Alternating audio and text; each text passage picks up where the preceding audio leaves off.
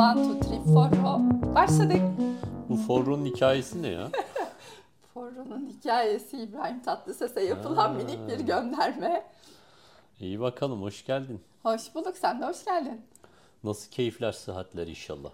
Valla iyi, birazcık daha toparladım gibi. Dolayısıyla daha iyiyim, daha rahat konuşuyorum. Sen nasılsın? Boğa çöktük ha, boğazlar niye öyle oldu? Valla sorma, iki buçuk aydır benim devam ediyor. Senin de öyle.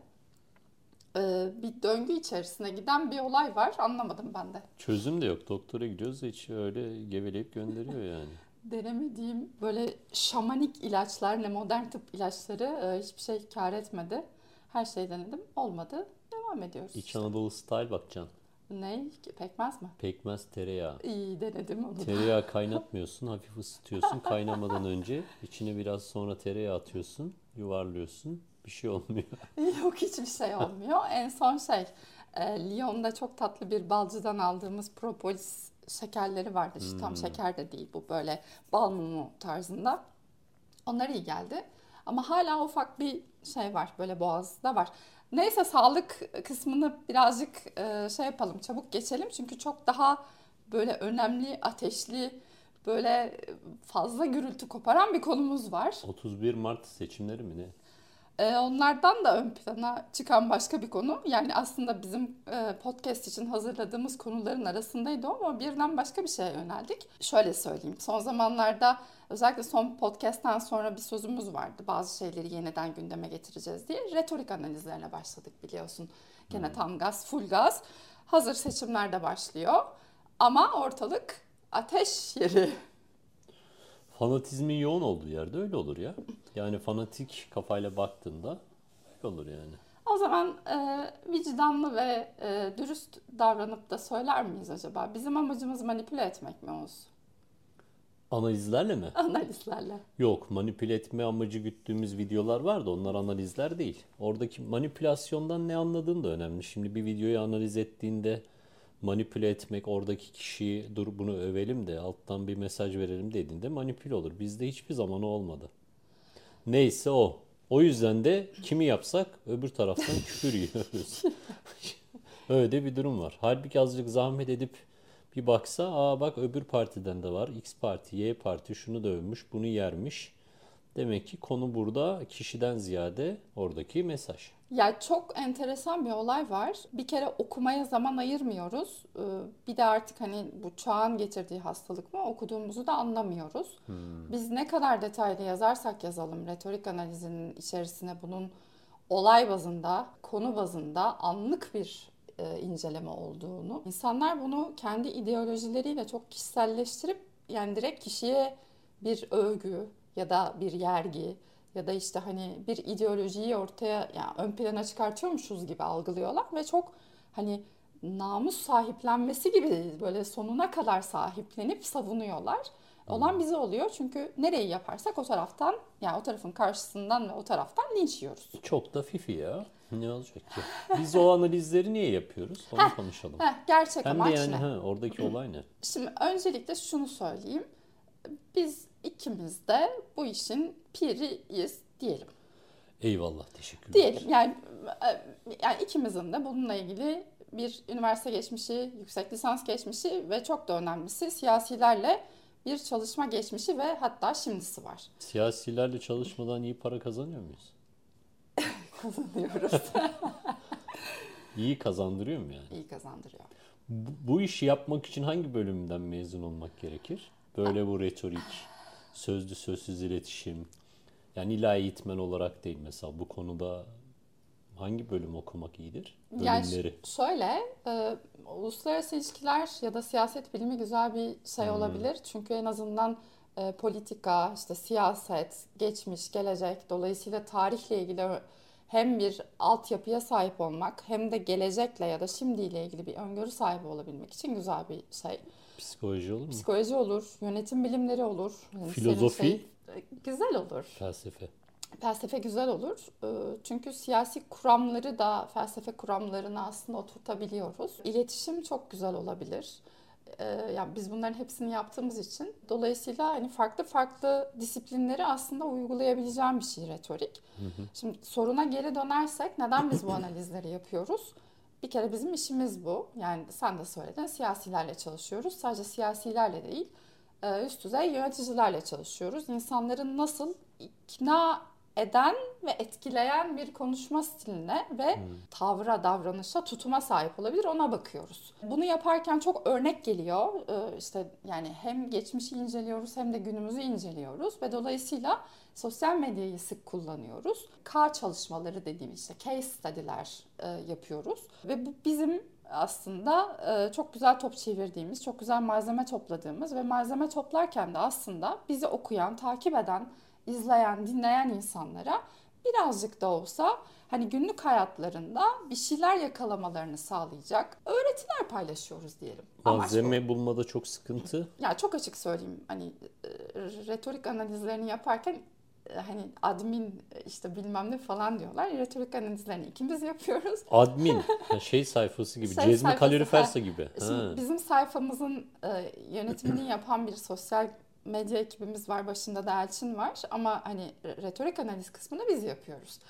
Şimdi ikimizin de yurt dışı geçmişi, bağlantıları ve dil olayı olduğu için öyle malzeme sıkıntımız yok. Çok şükür Türk siyaseti zaten ne geçmişte ne de şimdi de e, öyle bir malzeme sıkıntısına olanak verecek bir şey de değil. Dolayısıyla hem içeride hem bir de işte o hani bizim ikimizin de diğer ülkelerle olan bağlantısından dolayı dışarıda bir malzeme sıkıntımız yok. Zaten hep sen de söylüyorsun. Bizim odamız aslında evet Türkiye ama bizi takip edenlere, bizi dinleyenlere, bizimle birlikte olan insanlara birazcık da dış dünyanın ışığını tutmak istediğimiz için dışarıdan da besleniyoruz. O yüzden malzeme sıkıntımız yok. Çokluğumuz var. Yetişemiyoruz. Yani bu analizleri izleyen, takip eden insanlar bir taraftan aslında manipüle edilmemeyi, nasıl birinin anlattıklarını gözlemlemeyi, çıktıları nasıl yorumlamaları gerektiğini, kendi retoriklerini, sözlü sözsüz iletişimleri nasıl kullanacaklarını da bir nebze de öğrenmiş oluyorlar. Öyle değil mi? Ee, amaç yüzde yüz bu. Yani retorik kitabını açıp bakanlar da bunu görebilir. Hani bizim orada söylediğimiz, senin videolarda, kitapta da söylediğin şeyler aslında retorik kötü ve iyi olarak ikiye ayrılıyor. Bunu iki türlü de kullanan bir sürü insan biliyoruz, şahit olduk. Çok fazla aracı var. Ee, bunu işte günlük hayatında, işinde, e, eşiyle, dostuyla olan e, konuşmalarında ya da işte bir kitleye seslenecekse orada ya da kendisine yapılan bir konuşmada aralardan seçerek görmesi, e, manipülasyona uğradığını düşünüyorsa bunun farkına varması, işte kendisine örnek olarak sunduğumuz şeylerden aa evet hani ben bunu alıp kendi konuşmamda kullanabilirim demesi bizim önceliğimiz. Hı hı. Ya burada bir parantez açacağım çünkü çok geliyor. Örnek örnektir. Hani örnek illa iyi olduğu için verilmiyor. Örnek illaki kötü olduğu için de verilmiyor. Biz çok temel, çok aslında nokta atışı örnekler vermeye çalışıyoruz retorik e, analizlerinde ki insanlar orada gördüklerinde ya da o hani konuşmayı dinlediklerinde kendileri de bir şeyler kap, kapsınlar. Hmm. Kendi konuşmalarında kullansınlar veya manipüle edildiklerini ya da hani farklı e, gördüklerini düşündükleri şeyleri de daha net ve daha iyi anlasınlar diye. Bunu hemen işte Bahçeli'nin örneğiyle bağlayayım. E, Devlet Bahçeli'nin bir e, konuşmasından örnek verdik. Oradaki amaç tam olarak o örnekte ünlü bir kişiye yapılan atıf ya da bir özlü söz konuşmaya çok farklı bir e, hava katar, akılda kalıcılığı sağlar. e, bunu siz de kullanabilirsiniz di ve aynı zamanda da işte o analizin satır aralarında şu vardı. Evet değişik olabilir bu alıntılama ama bazen o konuşmayı yapan ya da o özlü sözü söyleyen insanın amacı zaten konuşmanın genelinin hatırlanmasından ziyade gündemi değiştirmek ya da konuşmayı konuşturmak olabilirdi. Ee, dolayısıyla hani insanlar bazı şeyleri okurken ya da işte verdiğimiz örnekleri sorgularken birazcık buna dikkat etsinler. Alt mesajlara baksınlar. Hani neyi nasıl kullanabilecekler ona dikkat etsinler. Yani diyorsun ki orada verilen örnekte burada çok iyi kullanılmış derken kişi çok güzel konuşuyor anlamında olmayabilir. Oradaki bir tekniği güzel kullanmış anlamında bir şey de olabilir diyorsun. Evet, aynen. Bunun olması için ama o gözle bakmak adına bir birincisi fanatik olmaman lazım. Fanatik olursan zaten kaçırırsın. Yani bir şeyi savunuyorsan orada senin sevdiğin kişi üzerine bir analiz varsa orada da hoşuna gitmeyen bir şey duyduğunda hemen hödödü hüdüdü yapmaya başlarsın. Belki ilk olay fanatik olmayacaksın. ikincisi de açık olacaksın yani. Ya kartları açık oynayalım. Hani hiçbirimiz apolitik insanlar değiliz. Hepimizin politik görüşü var ama bizim zaten mesleğimiz gereği, yaptığımız ve çalıştığımız insanlar gereği politik görüşümüzü açık açık belli etmek gibi bir şeyimiz yok. Bunu yapamayız zaten. Bu etik olmaz. Bir de şöyle bir durum var. Yani siyasi ideolojileri bir kenara bırakıp örnekleri sadece örnek olarak algılamak, orada kullanılan araçlara bir bakmak, iyi ya da kötü ben bunu nasıl hayatımda kullanabilirim o şekilde bakmak gerekiyor. Ha bu değil ki e, kötü bir konuşma varsa mesela Özgür Özel'in ya da işte Murat Kurum'un ya da başka bir insanın yaptığı kötü bir konuşma varsa baştan aşağı beden diliyle, jestleriyle, mimikleriyle hani bunu da söylemeyeceğiz anlamına da gelmiyor. Genel hmm. itibariyle de fikrimizi konuşma özelinde diyorum ama gene hani e, o kişinin liderliği, o kişinin siyasetçiliği iyi ya da kötü insan olmasından bağımsız bu konuda fikir beyan etmeyeceğimiz anlamına gelmiyor. Bunu daha önce de konuştuk. Orası bizim demokratik bir e, şeyimiz, meydanımız. Biz e, yani fikir beyan edip analizlerimizi sunuyoruz. Batı'da nasıl yaklaşıyor izleyenler, dinleyenler bu tip konulara? Bu kadar hani direkt e, şey kılıçları kuşandım karşı tarafa saldırıyorum değil. Ben siz böyle beyan etmişsiniz ya da siz böyle bir açıklama yapmışsınız ama ben bunu böyle olduğunu düşünüyorum diyen de var. Birazcık daha sivri takılan da var ama genel olarak Hani bizdeki kadar ben şeyi görmüyorum. Hani e, ya benim partim ne var bunda deyip ondan sonra karşı taraftan birinin analizini gördüğünde o tarafa ağza alınmayacak küfürler e, sarf eden ben görmedim. En azından benim takip ettiğim şeyiyle yok. Siyasi partileri ve başlarındakileri bizimkiler biraz kutsal insan gibi algılıyor galiba. Ee, çok tutunuyoruz evet çok hmm. kişisel kişisel algılıyoruz direkt onlara yapılan en ufacık bir eleştiriyi. Yani oysa ki hani herkes hata yapabilir. Ee, ya bir insanın sürekli güzel konuşmalar yapmasını bekleyemiyoruz. Her, her insanın her daim karizmatik olmasını bekleyemediğimiz gibi bazen hata yapabiliyor. Macron da yapıyor mesela. Geçen gün bir konuşma yaptı televizyonda. Fransa'daki doğum oranlarının azalmasıyla ilgili ertesi günü bütün e, işte gazetelerdeki karikatürler, bütün e, hakkında yazılan e, yazılar çok kötüydü. Çünkü çok kötü bir konuşmaydı. Ne diyor ki? Daha fazla ürememiz gerekiyor diyor. Dolayısıyla bununla ilgili bazı önlemler alınacağına dair böyle komik ötesi bir açıklama yaptı diyelim. Macron'un bir de Macron şimdi başbakan olarak bir arkadaşını atadı. Gabriel Attal. Başbakan da Dışişleri Bakanı olarak eski erkek arkadaşı. Erkek arkadaşını atadı. Şimdi bilmeyenler için söyleyeyim Gabriel Attal e, Fransa tarihinde en e, genç başbakan ama aynı zamanda da kabinede açık olarak gay olduğu bilinen Hmm. İlk insan. Onu bir başka bir podcast'te konuşalım ya. yani orada da bir akraba kavur şey e, akrabayı kayırma var mı? Liyakati mi konuşacağız? Tabii peki? liyakati konuşacağız diyeceğiz ki o nasıl oluyor, olabilir mi gibi. Belki onun üzerine de bir sohbet olabilir. Evet analizler böyle. Siyasi görüşler, fanatik yaklaşımlar falan filan. Retorik analizleri Türkiye'de ilk biz mi, mikro ifade analizleri de ilk bizim başlattığımız konu. Beden dil analizi, mikro ifade analizi, retorik analizi. Bunlar bizim ilk olduğumuz. Burada da biraz övünelim. Yani çok böyle rakibimizin olduğu Tek. bir alanda değil. Tek demeyelim var çok vardır da ama yani öyle hani Yok kalitesel anlamda yani retorik şey, analizinde bir sınıf sahip. farkları var burada. öyle bir fark var. Açık olarak bakmak iyi olabilir, öğretici olabilir. Türkiye'de retorik açısından. Bir Armada da Ankara'dayken Armada AVM var. Fena bir yer değil, güzel bir AVM. Orada gezerken bir şeye bakıyordum. Bir tane bir teyze geldi yanıma. Aa Oğuz oğlum falan dedim. Merhaba falan dedim. Tanıştık falan. Adını vermeyeyim şimdiden öyle bir izin almadım. Retorik retorik diyorsun. Nedir bu retorik dedi. retorik retorik. Nedir retorik? Retorik çok aslında bir kutsal kase gibi etkili ve ikna edici konuşma sanatı diyoruz ama sadece bu yok retorikte. Her yol retoriğe çıkıyor. her yol e, Roma'ya çıkar gibi karizma da retoriğe çıkıyor, satış da retoriğe çıkıyor, e, beden dili de retoriğe çıkıyor, e, finansal özgürlük, hayatta başarı, motivasyon her şey retoriğe çıkıyor. Aslında retorik insanın hayata karşı duruşu diyelim. Liderlik de çünkü aslında retoriğin bir alt başlığı. Retorik çok ciddi bir konu. Etkili ikna edici konuşma sanatı değil mi?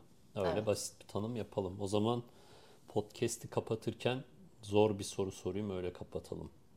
Siyasetçiler retorik analizleri devam edecek gibi görünüyor. Seçimler olunca oraya biraz fazla yüklenebiliyoruz. Türkiye'de şu an siyasette ortak tanıdığımız en iyi retoriği kullanan 3 tane profil kim? Ben mi sorayım? Ben sana sorayım. He, şimdi soruyorsun. Ee, güncel değil ama genel olarak siyasi tarihte mi diyorsun? Yani yaşayanlardan diyelim şu an halihazırda yaşayan. Üç kişi kim yani mesela? Üç tane çok iyi retorikte iyidir, fena değil. Diğerlerine göre ilk üçte diyebileceğimiz kimler var? Önemsiz yani bir, bir çok iki daha az iyi gibi de söylemek zorunda değiliz. Yani üç, üç kişi, üç isim alsak yeter. Ee, ben siyasette tek kişiyi söyleyebilirim yaşayanlardan. Ee, onun dışında siyasi tarihten dersen üçlü bir sıralama yapabilirim. O yüzden şey diye gideyim hani eski ve yeni olarak diyeyim. Ee, Süleyman Demirel. Yani beden dili, konuşması, kendisine ait e, stili, imajı, e, kendisiyle özdeşleşen kelimesi Süleyman Demirel, Turgut Özal. Ee, onun da muhteşem gözlükleri, kalemi, duruşu, diplomasiyi kullanışı. Onun dışında yani tekrar ediyorum bunu tekrar tekrar söylemem gerekiyor. Yani kişi bazında yine bu saydığım isimleri severiz sevmeyiz hiç şey değil. Tamamıyla retoriksel anlamda gücünü söylüyorum Recep Tayyip Erdoğan. Açık ara. Süleyman Demirel, Turgut Özal, Recep Tayyip Recep Erdoğan. Tayyip Erdoğan. Bir şey soracağım. Üçü de aslında sağ parti Evet. politikacısı. Soldan retorik çıkmıyor mu? Ya soldan çok fazla felsefe üzerine giden, birazcık daha kalbur üstü bir e, ağızla konuşan, dolayısıyla halkın seviyesine bir türlü indirilemeyen bir siyaset gücülüyor. Hep böyleydi. Kopuyor mu diyorsun? Ya halktan? Bülent Ecevit gibi inanılmaz işte Robert Koleji mezunu, çok güzel İngilizce konuşuyor, acayip e, nazik bir e, Şiirleri diplomat. var. Ee, ama yani e, ha- hakikaten o halk diline o hani kara olan şeyine inemeyen, e, Anadolu kimliğine bürünemeyen bir e, siyasi lügat var. Çok beğenirim kendisini o ayrı ama sol taraf retoriği bir türlü halkın istediği o duyguyla yoğrulmuş bir hale getiremedi. Şok şok şok. evet güzel. Hmm, biraz bu sonra başka bir videoda değinelim. Benim de bir üç tane var. Yaşayanlardan üç tane benim ama. Öyle mi? Onu da bir başka bölümde bir E, Netflix yok yok Netflix etkisi yapalım. Bir başka podcast'te de onun üzerine değinelim. Açarak gideriz Ya öyle yapalım. şimdi şöyle e, yaşayanlarda fena olmayanlar var ama ben böyle çok iyi, çok etkileyen hani karizmasıyla ve her daim etrafında insanları örtüştürebilecek ve toplayabilecek bir in- insan şeyinde e, hani ortak zeminde bir, birini göremiyorum. Hani belki sen görüyorsundur. E, Recep Tayyip Erdoğan bunu çok iyi yaptı. Eskide kalan gücüyle. Şimdi onu da çok fazla sayamayacağım. Çünkü çok fazla prompter üzerinde takıldığını düşünüyorum. Neyse. E, Bize gelen başka bir istek var. Bilmiyorum hani podcast'ta da gider mi ama özellikle sosyal medyaya gelen Hitler şeyi var. E, Şimdi benim bitirme tezim Hitler Mussolini. Onun üzerine çalışabiliriz ama hani meta platformu buna izin verir mi? Çünkü çok sivri bir konu. Ee, onu yapabilir miyiz bilmiyorum düşünelim. Bir de bitirmeden başka bir şey söyleyebilir Tabii. miyim? Bir önceki podcast'imizde biliyorsun retorik kampı ile ilgili böyle çok heyecanlı şeyler olacak diye vaatlerim vardı. Bekleyenler varmış. Dolayısıyla onu burada açıklayayım mı artık? Kim geliyor retorik kampına? Retorik kampına konuk olarak gelen kişi belli oldu. Ben Oldu. artık biliyorum. Sen bir artık- önceki podcast'te bilmiyordum. Kim geliyor? 11-12 Mayıs'ta e, Kaz Dağları'nda olacak Kaz Dağları'ndayız. kampımız. Açık hava. Açık hava, zeytinliklerin içerisinde. Açık havada demeyelim millet kamp yapıyor zannedecek. Otelde, Ramada Otelde Ramada değil mi? Otelde, Hmm. Yine aynı oteldeyiz. Dolayısıyla e, demiştik ki bir tane çok tatlı bir misafirimiz olacak. Felsefe alanıyla ilgilenen herkesin çok böyle yakından tanıdığı birini yine davet ediyoruz. Bizim için özel olan insanlardan çok beğendiğimiz, takip ettiğimiz Dücane Cündioğlu geliyor. Ne diyorsun? Dücani Cündoğlu'nu ayarladın. Evet. Vay tebrikler, felicitasyon. Thank you. Ama yani iyi, evet güzel yani. Evet çok heyecan verici. Hmm. Çok çok güzel olacağından adım gibi eminim. Ne kadar süresi olacak ki Dücan Hoca? Ne kadar konuşur? Ee, yani kendisine bir iki buçuk saat ayırdık ama e, hani soru cevap kısmıyla beraber 3 saati buluruz diye düşünüyoruz. Önce ufak bir giriş yapar kendisi. Belki moderatör gibi soru cevap. Ondan sonra da katılımcılarımızın soru cevaplarıyla bağlayacağız. Tamam, retorik kamp, retorik konuşacağız. Bir bölümde de Dücane Cündoğlu bizlerle birlikte Bizlerle birlikte olacak. olacak. Güzel, heyecanlı. Mayıs 10, 11 12 11, Mayıs 12 Mayıs sabahtan akşama kadar iki gün boyunca cumartesi, pazar. Güzel. Kaz Dağları'nda. Kaz Dağları'nda. Retoriğin tatlı noktasından başlayacağız. Retoriğin Greenwich'i mi diyelim? Öyle Kaz diyelim. 20 dakika dedik. Birazcık sarkıtmışız olur o kadar. Kendinize iyi bakın. Bir başka podcast'te yeniden görüşmek üzere. Çok konu var aslında. Yani böyle düzenli ve bol bol çekmemiz gerekiyor artık. Ne yapalım? Böyle böyle gidelim. Seviyoruz sizleri. Fanatizme bulaşmadan açık görüşlere, fikirlere, düşüncelere, gelişime, her şeye açık bir şekilde dünya vatandaşı olma yolunda bu podcastlerdeki ana amacımız bu. Dünya vatandaşı olmak. Bilgi edinmek. Evet, bu şekilde ilerlemeye birlikte devam edelim. Siz de bu kafadaysanız gelin, fanatikseniz çıkabiliriz. E, gelmeyin. Gelmeyin. Evet. Teşekkür Gelmeyin. ederiz. Çok teşekkür ediyoruz. Görüşmek üzere. Herkes kendine iyi baksın.